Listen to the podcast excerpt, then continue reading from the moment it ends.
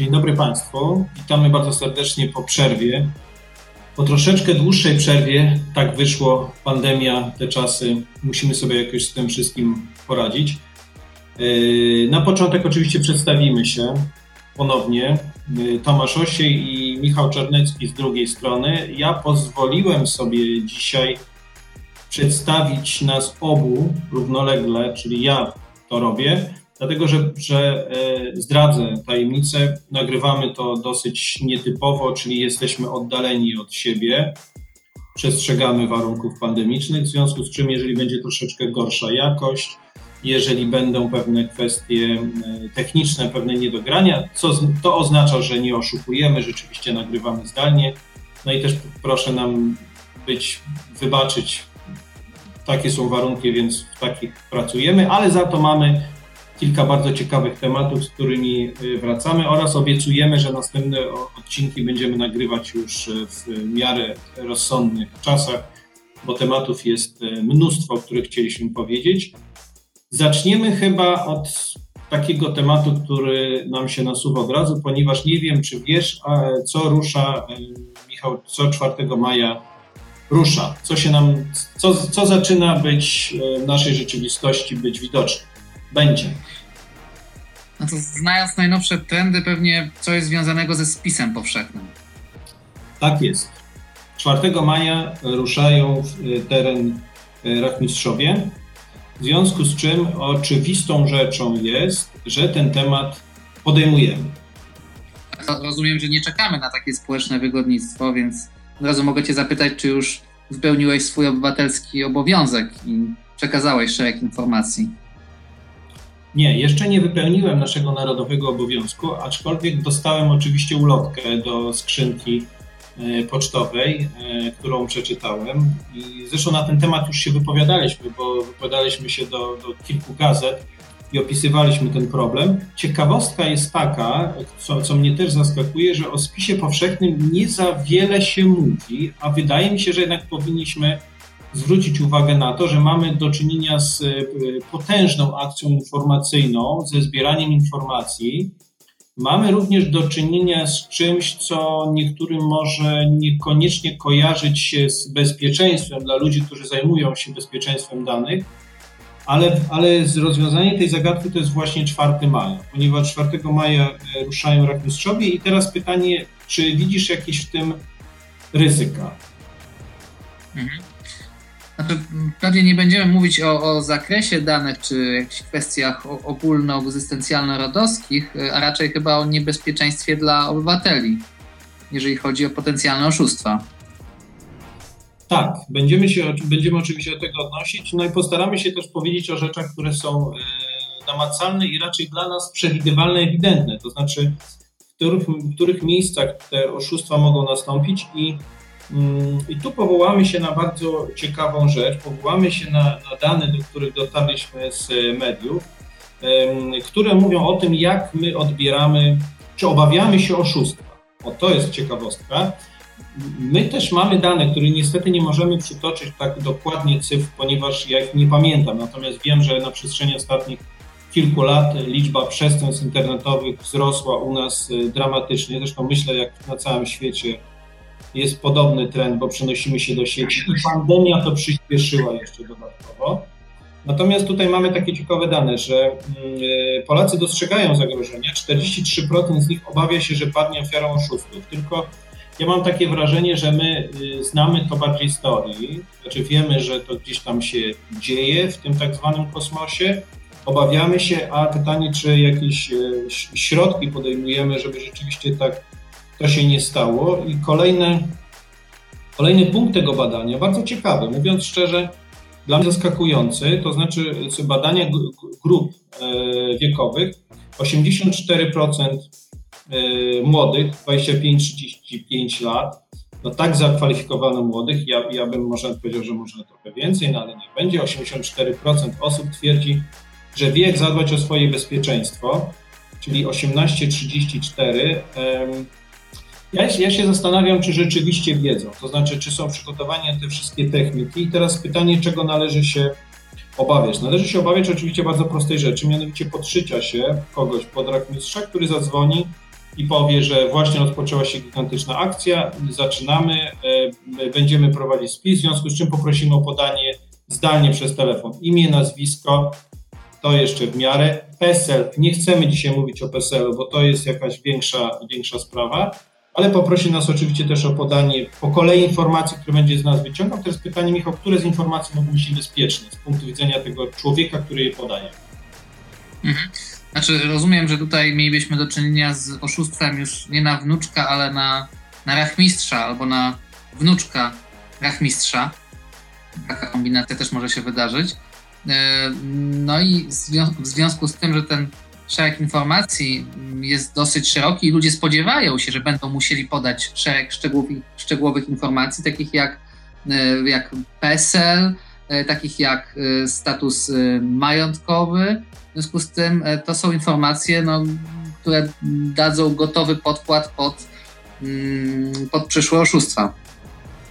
Tak, ale chyba najbardziej na co warto zwrócić uwagę, już kończąc ten wątek, bo, bo czas nam nie pozwala, żeby go zbyt długo ciągnąć, ale wydaje nam się, że mm, przyjęliśmy takie założenie, że to będzie bardzo, bardzo korzystne z punktu widzenia naszych y, słuchaczy, wiernych słuchaczy, żeby oczywiście nie dać się naciągnąć na takie rzeczy jak y, podanie numerów kart płatniczych, kont bankowych, loginów, haseł, dostępów, e, bo wydaje nam się, że logiczne, że ktoś nas zapyta przez telefon, proszę o podanie dostępu do konta internetowego, ale ktoś może powiedzieć osobie starszej, badanie oczywiście zrobimy, jak pan poda nam e, hasło dostępowe do konta, to za pana to poprowadzimy za rękę, a finalnie może poprosić, a przy okazji proszę o podanie konta bankowego i może jeszcze jakieś numery kart i tak dalej.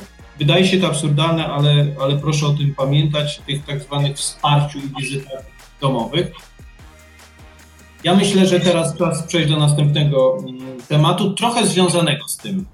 Tak, znaczy, bo ten temat chyba można podsumować w ten sposób, że trzeba zachować taką e, granicę między ufnością a, a, a zdrową dawką e, nieufności. I o tej nieufności też chyba chcielibyśmy teraz powiedzieć. To znaczy, e, tam, gdzie być może już e, ta granica zdrowej nieufności została nieco przekroczona, ponieważ jak e, donosi Rzeczpospolita, bardzo niewielki odsetek Polaków, to jest 30%, chciałby na przykład podzielić się informacjami na swój temat, żeby przyczynić się do wzrostu jakości usług z zakresu zdrowia, podczas gdy Holandii czy w Szwecji taki odsetek wynosi aż 80%, co pokazuje, że niechętnie dzielimy się danymi osobowymi, z państwem w celu e, rozwoju, wzrostu jakości tych usług publicznych, co mm, może nieco dziwić, biorąc pod uwagę, jak Polacy chętnie i często dzielą się szczegółami e, swojego życia mm, dosyć regularnie na portalach społecznościowych. Tak, ten temat podjęliśmy nie z takiego powodu, że, że, że wiemy, że się, że się dzielimy danymi, czy musimy dzielić, to, to, że istnieje taki proces, to wszyscy wiedzą i to myślę, że dla naszych słuchaczy nie jest to rzecz jakaś nadzwyczajnie zaskakująca, że oto odkryliśmy Amerykę, że y, dane to jest złoto XXI wieku. No jeśli ktoś o tym nie wie, to, to właśnie się dowiedział. Natomiast to, co nas zaskoczyło, to ogromna różnica, taka powiedziałbym nawet socjologiczna e, różnica między danymi, które pochodzą z Polski i pochodzą z innych krajów, że nasza nieufność do tego, co jest społeczne, z czego wynika, że przy, e, przy, przy aplikacji rządowej Stop COVID, która pozwala śledzić, e, śledzić kwestie zainfekowania, została zainstalowana tylko przez co 17 Polaka. To są dane, które cytujemy za Rzeczpospolitą, a z drugiej strony jest tak, że tylko, czy, tylko niewielki odsetek z nas chce się podzielić danymi, ale bardzo, bardzo chętnie dzielimy się danymi w mediach społecznościowych, tu jesteśmy w europejskiej czołówce. Pytanie skąd to wynika? Czy to wynika stąd, że my ufamy firmom prywatnym, yy, takim jak Facebook czy, yy, czy Apple, czy ktokolwiek inny? No to ciekawe, skąd, nasze, skąd nasza ufność, jeżeli wiemy skądinąd, że Facebook to, co robi, to robi, a dodatkowo jeszcze wyciekają dane, a my jesteśmy zdziwieni, że takie dane wyciekają. I y, natomiast z drugiej strony pytanie, czy, czy znasz może, Michał, zastanawia się, dlaczego nie chcemy się dzielić danymi e, z państwem, z organami? Polacy tradycyjnie ufają i kochają swoje organy i służby publiczne. Wydaje mi się, że to jest przyczyną tego dystansu informacyjnego. No, pozostaje nam e, tylko zatrzymać się w tym miejscu. E, natomiast zwracam uwagę na to, bo, e, bo ciekawostka nie polega na tym, że my przekazujemy dane, bo wiemy, ale oczywiście tutaj jedną rzecz, którą powinniśmy dodać, e, tak na koniec, powinniśmy dodać informację o absolutnie niewykorzystanej instytucji, która jest zaszyta w GDPR-ze, e, czyli oceny skutków dokonywanej przy samym projektowaniu aktów prawnych. To jest coś, co powinno być wykonane na samym początku i co być może wpłynęłoby na zaufanie do tego, co się dzieje e, w aktach prawnych w naszym życiu gospodarczym. Ale tak, tutaj, chyba, I tutaj chyba pojawia nam się kolejny temat, e, też troszeczkę związany z sytuacją e, covidową, to znaczy temat szczepień, i, który też wiąże się z pozyskiwaniem danych osobowych obywatelach, a konkretnie o pracownikach przez pracodawców. Dlatego, że e, niedługo no, ruszyć też mają szczepienia, szczepienia też e, pracowników. Część zakładów pracy intensywnie się do tego e, przygotowuje. No i pytanie, jakie informacje, kiedy będziemy zbierać, komu będziemy przekazywać. Te kilka znaków zapytania sprawia, E, że pracodawcy są nieco zdezorientowani. E, tak, tutaj znaków zapytania jest e, dużo więcej. Oczywiście nie jest naszą ambicją, żeby w tej chwili odpowiedzieć na wszystkie pytania, ale przynajmniej spróbujmy sobie prześledzić problemy, które są, są z tym związane.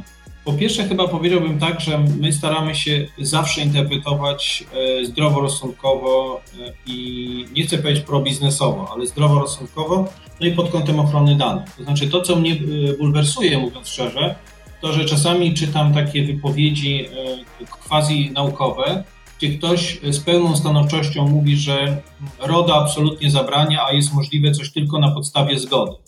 Okay, to sięgnijmy do tej zgody i teraz prześledźmy sobie takie rozwiązanie idealne, które ktoś podaje i mówi, najlepiej coś jest zbierać na podstawie zgody.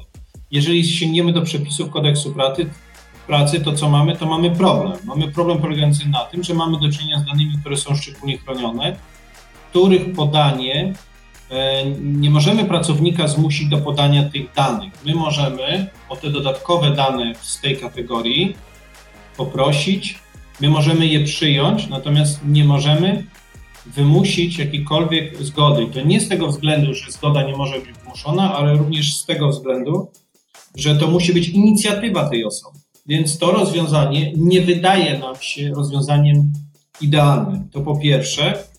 Po drugie, e, tu będzie trochę więcej zagadnień. To znaczy, teraz jesteśmy na takim etapie, że mamy zbierać dane i liczyć osoby, grupę, czy nam zbierze się grupa osób chętnych do szczepienia. To jest dopiero pierwszy stopień. Następnie Pytanie jest takie, czy możemy kogoś zapytać, czy był szczepiony. To, to nie wiem, co na ten temat sądzisz. Michał, pytanie jest trudne, więc przerzucę na ciebie. Ciekaw jestem, co powiesz na ten temat. Znaczy, domyślam się, że Urząd Ochrony Danych Osobowych y, w sposób oczywisty zinterpretowałby fakt y, bycia lub niebycia wyszczepionym, jak to się dzisiaj określa, jako informację przynależną do szczególnej kategorii danych, czyli do danych dotyczących zdrowia, więc tak jak wspomniałeś, tutaj zgoda nie byłaby najlepszą e, podstawą. E, być może e, posiłkując się dotychczasową dyskusją na temat możliwości wskazania osoby, która w zakładzie pracy była chora na COVID i posiłkując się tą opinią Rzecznika Praw Obywatelskich, można by szukać takiej podstawy w przepisach prawa pracy. Natomiast urząd, jak wiemy, taką podstawę e, negował, uznawał za e, niewystarczającą. E, stąd no, gdzieś tam z nadzieją, mam nadzieję niepłonną, możemy patrzeć na działania ustawodawcy i mieć tę nadzieję, iż kwestia przepływu, zbierania, przekazywania tych danych zostanie uwzględniona w przepisach. Całą pewnością jedną rzecz, którą możemy podpowiedzieć, ale to, to, to też może niekoniecznie każdy musi ją przeprowadzić, to to, że jeżeli chcemy zbadać liczbę osób chętnych, to możemy o to faktycznie zapytać anonimowo. Natomiast z praktyki wydaje nam się, że że to jest operacja, która poprzedza kolejną, która natychmiast potem idzie, czyli najpierw pytamy, czy zbierze się grupa, możemy się domyśleć, że tak, i natychmiast pytamy o to konkretnie, kto chce się zapisać i czy był szczepiony. Znaczy naturalną rzeczą jest, że jeżeli ktoś się szczepił, to zaszczepienie podwójne raczej mu na zdrowie nie wyjdzie, więc tu akurat więcej nie oznacza lepiej.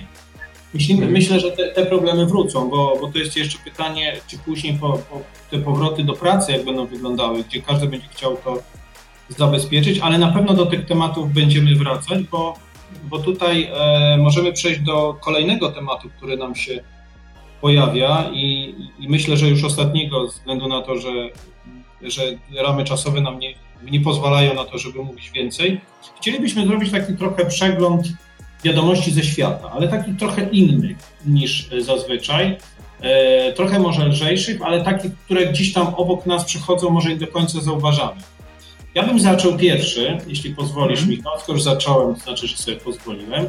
Zacząłbym od tego, że zamieszczamy informacje na portalu naszym GDPR.pl i zaskoczony jestem czasami wysoką oglądalnością niektórych artykułów i bardzo niską innych.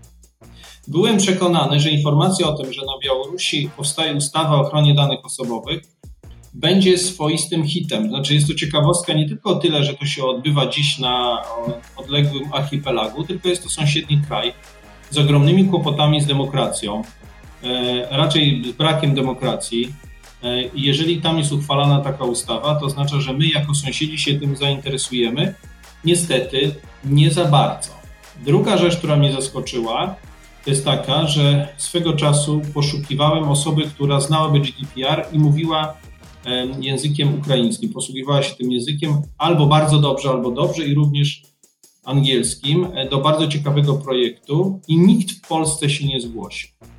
I zadawałem sobie takie pytanie, e, skąd to wynika i nie znalazłem odpowiedzi i chyba jej nie będę szukał. Natomiast zaskoczony jestem tym, że w Polsce jednak pracuje tak dużo Ukraińców i tak dużo tych osób już jest w takich strukturach finansowo bankowo-usługowo-prawniczych, że jednak e, wydawało mi się, że przynajmniej ten jeden sprawiedliwy się znajdzie, e, a tu się okazuje, że jednak nie. Ale mamy też inne informacje ze świata.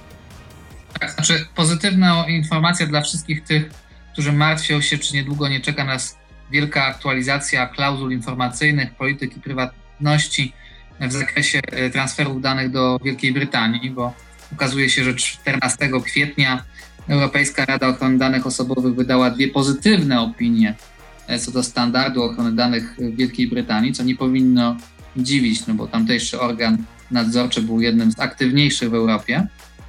W związku z tym możemy spodziewać się prawdopodobnie w najbliższym czasie e, decyzji i tego, że jeżeli chodzi o transfer danych osobowych, Wielka Brytania nie będzie traktowana jako państwo trzecie na co oczywiście w pełni zasługuje. Temu się akurat nie dziwimy. Jeśli chodzi o ciekawostki ze świata, to jeszcze dorzucę, skoro mówimy o uchwalaniu ustawy, o tym, że w Stanach pojawił się projekt y, uchwalenia ustawy federalnej o ochronie danych osobowych. Y, odsyłamy też do, odsyłamy tutaj do naszego portalu gdpr.pl, y, ale tam ta regulacja będzie troszeczkę inna, to znaczy ona będzie przypominać GDPR, ale jest bardzo ciekawa konstrukcja braku odpowiedzialności za podmiot przetwarzający, konstrukcja mówiąca tylko o wyłapywaniu istotnych informacji w zupełnie innym formacie, ale jednak trochę e, zbliżonym. E, I kolejna rzecz, jeśli chodzi o tak zwany świat, to powiem tak, śledzimy też oczywiście nakładanie kar, nakłada się w Europie mnóstwo. Znaczy śledzenie jeden do jednego nie ma najmniejszego sensu. Ja powiem tylko o dwóch rzeczach, które mnie zaskoczyły. Pierwsza, bardzo dużo kar nakładają Hiszpanie. Hiszpanie mm, i, i nie tylko Hiszpanie, ale kraje, których byśmy nie podejrzewali o to, że będą tak aktywni. E, nie znaczy, że chcemy kogokolwiek tu prowokować do czegokolwiek. I druga rzecz, e, że pojawiło się bardzo dużo kar odnoszących się do monitoringu. Więc wydaje nam się, że ten monitoring jest też takim tematem, do którego też na pewno powrócimy, bo tu jest bardzo dużo kar, które, które o tym mówią i zwracają uwagę na to, że E, pewnych rzeczy nie można robić, jeśli chodzi o ustawienia, kamery, podsłuchy, śledzenie. To jest temat e, ważny. I w europejskich pozostajemy jeszcze tematach. Powiemy o tym, że zapytaliśmy organy europejskie o to, co będzie tematem na rok 2021. Dosyć długo czekaliśmy na odpowiedzi, doczekaliśmy się tych odpowiedzi i co z tych odpowiedzi wynika?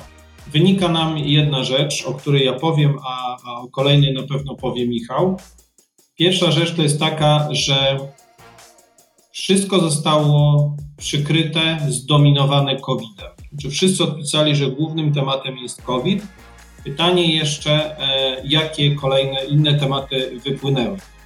Jak sądzisz, Michał? Inne niż covidowe. Tak. Na co stawiasz? Inne tematy niż covidowe. Może coś z nowymi technologiami? Tak jest. Tak jest. Pojawiły się nowe technologie, które idą razem z COVID-em. Tego się, tego się nie, da, e, nie da pominąć. I teraz co nam się pojawiło? Pojawiło nam się niedużo tematów, o których e, wspomniano, bo większość organów powiedziało COVID, COVID, tego się trzymamy.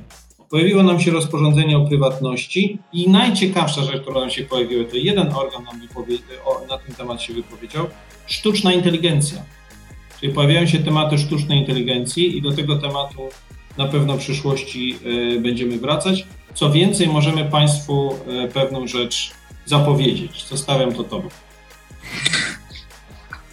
Tak, to znaczy y, na przyszłej konferencji, którą również zamierzamy zorganizować wraz z Katedrą Prawa Pracy Uniwersytetu Jagiellońskiego, chcielibyśmy się skupić na tematyce rekrutacji i również część konferencji poświęcić właśnie wykorzystaniu sztucznej inteligencji w tym procesie.